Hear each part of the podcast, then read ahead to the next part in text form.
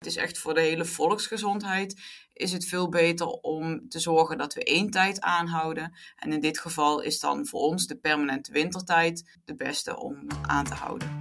Malou van Shams is medewerker kennis en innovatie bij de Hersenstichting. Volgens haar is het halfjaarlijks verzetten van de klok heel slecht voor de volksgezondheid. En daarom moeten we standaard naar de wintertijd. Dit is een podcast van ANP Expert Support. Deze dienst staat los van de ANP-redactie. Luna van der Waarde spreekt vandaag deze expert naar aanleiding van dit ANP-nieuwsbericht. De zomertijd is ingegaan, dus de nacht is een uurtje korter. Dat betekent wel dat het s'avonds langer licht is.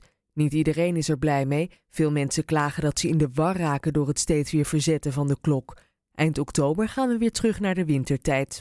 Ik spreek met Malou van Shams van de Hersenstichting. De zomertijd is afgelopen weekend ingegaan. Door de klok te verzetten lijkt de zon nu later op te komen en ook later weer onder te gaan. Hierdoor is het s'morgens langer donker en blijft het s'avonds juist langer licht. Maar wat doet het verzetten van de klok nou met je biologische klok?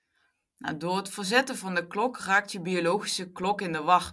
En die moet zich dan elke keer weer aanpassen. En dat is niet zo makkelijk voor iedereen. De biologische klok die zorgt onder invloed van licht dat we een 24 ritme hebben. En juist veel daglicht in de ochtend, dat zorgt ervoor dat je een wakker gevoel hebt en dat je dus ook een goed slaap- en waakritme hebt. Maar zonder dat ochtendlicht verschuift de biologische klok naar een later tijdstip. En dat sluit niet goed aan bij werktijden en schooltijden en andere maatschappelijke verplichtingen. Daardoor kun je een slaaptekort oplopen. Oké, en dat slaaptekort lijkt een beetje een lange termijn uh, effect uh, of gevolg. En wat gebeurt er dan op korte termijn uh, als je biologische klok verstoort? Nou, het slaaptekort dat kan op korte termijn ook leiden tot concentratieproblemen of een slecht humeur, wat denk ik iedereen wel herkent na een nachtje slecht slapen. Maar ook bijvoorbeeld voor meer risico's in het verkeer. En inderdaad, op lange termijn kan slaaptekort gevolgen hebben voor een verminderde weerstand, maar ook een verhoogd risico op bepaalde ziektes met zich meebrengen, zoals depressie en dementie en andere hart- en vaatziekten. Maar het gaat uiteindelijk maar om één uur. Heeft dat ene uur halfjaarlijks verzetten dan echt zo ontzettend veel impact? Ja, dat klinkt heel gek hè, één uurtje verschil. Maar dat heeft toch alles te maken met het bioritme dat we hebben. Want het is echt een heel gevoelig systeem. En ja, daar moet je eigenlijk gewoon niet meer rommelen. En zoals gezegd raakt die biologische klok dus in de war als je switcht van winter naar zomertijd en ook weer andersom. En dat heeft dus echt serieuze gevolgen voor onze gezondheid. En je ziet uh, dat de zomertijd daarin het meest schadelijke van de twee is, omdat het het minst dicht bij ons natuurlijke ritme ligt. En je ziet dan ook dat eigenlijk na het invoeren van de zomertijd in de eerste paar dagen mensen zo, ja, zo'n 40 tot 50 minuten minder slapen in een nacht. En dat lijkt dan wel weinig, maar als je goed kijkt naar onderzoeken, eh, naar de effecten hiervan, ja, dan heeft dat toch wel meer invloed dan we doen vermoeden. Het is eigenlijk een soort sociale jetlag. Je bioritme is dan uh, verstoord en het loopt uit de pas met bijvoorbeeld uh, werk- en schooltijden.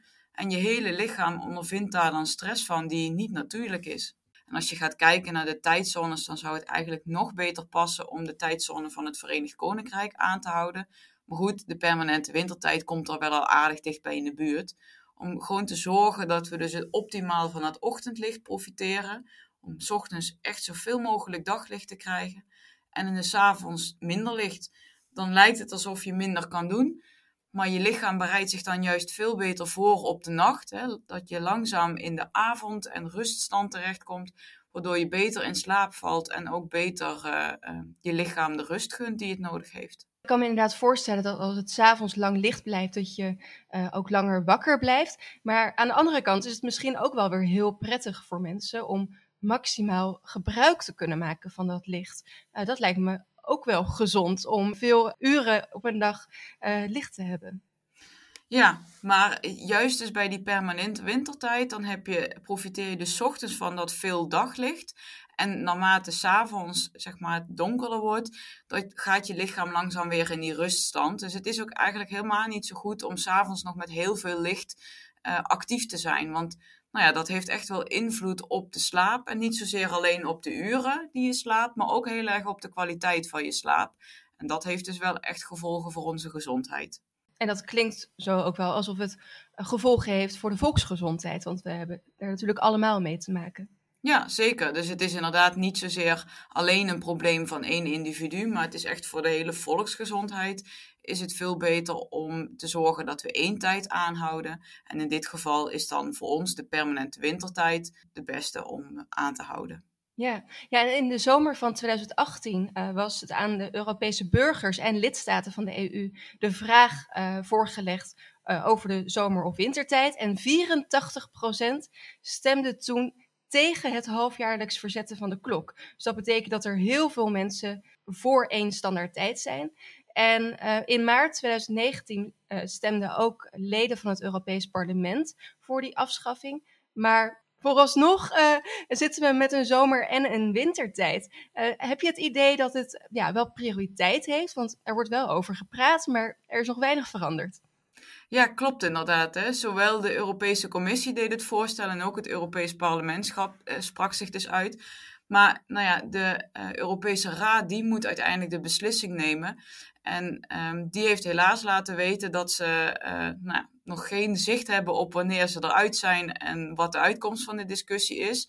En dat er een aantal landen zijn die meer hè, meer onderzoek naar de effecten van zo'n maatregelen zouden willen zien. Terwijl ik denk dat we uh, nou, genoeg aanknopingspunten hebben om te weten dat het voor de volksgezondheid echt wel belangrijk is om dus niet meer uh, te switchen. En je ziet het inderdaad ook naar de wens van de burgers, dat uh, heel veel mensen er eigenlijk tegen zijn.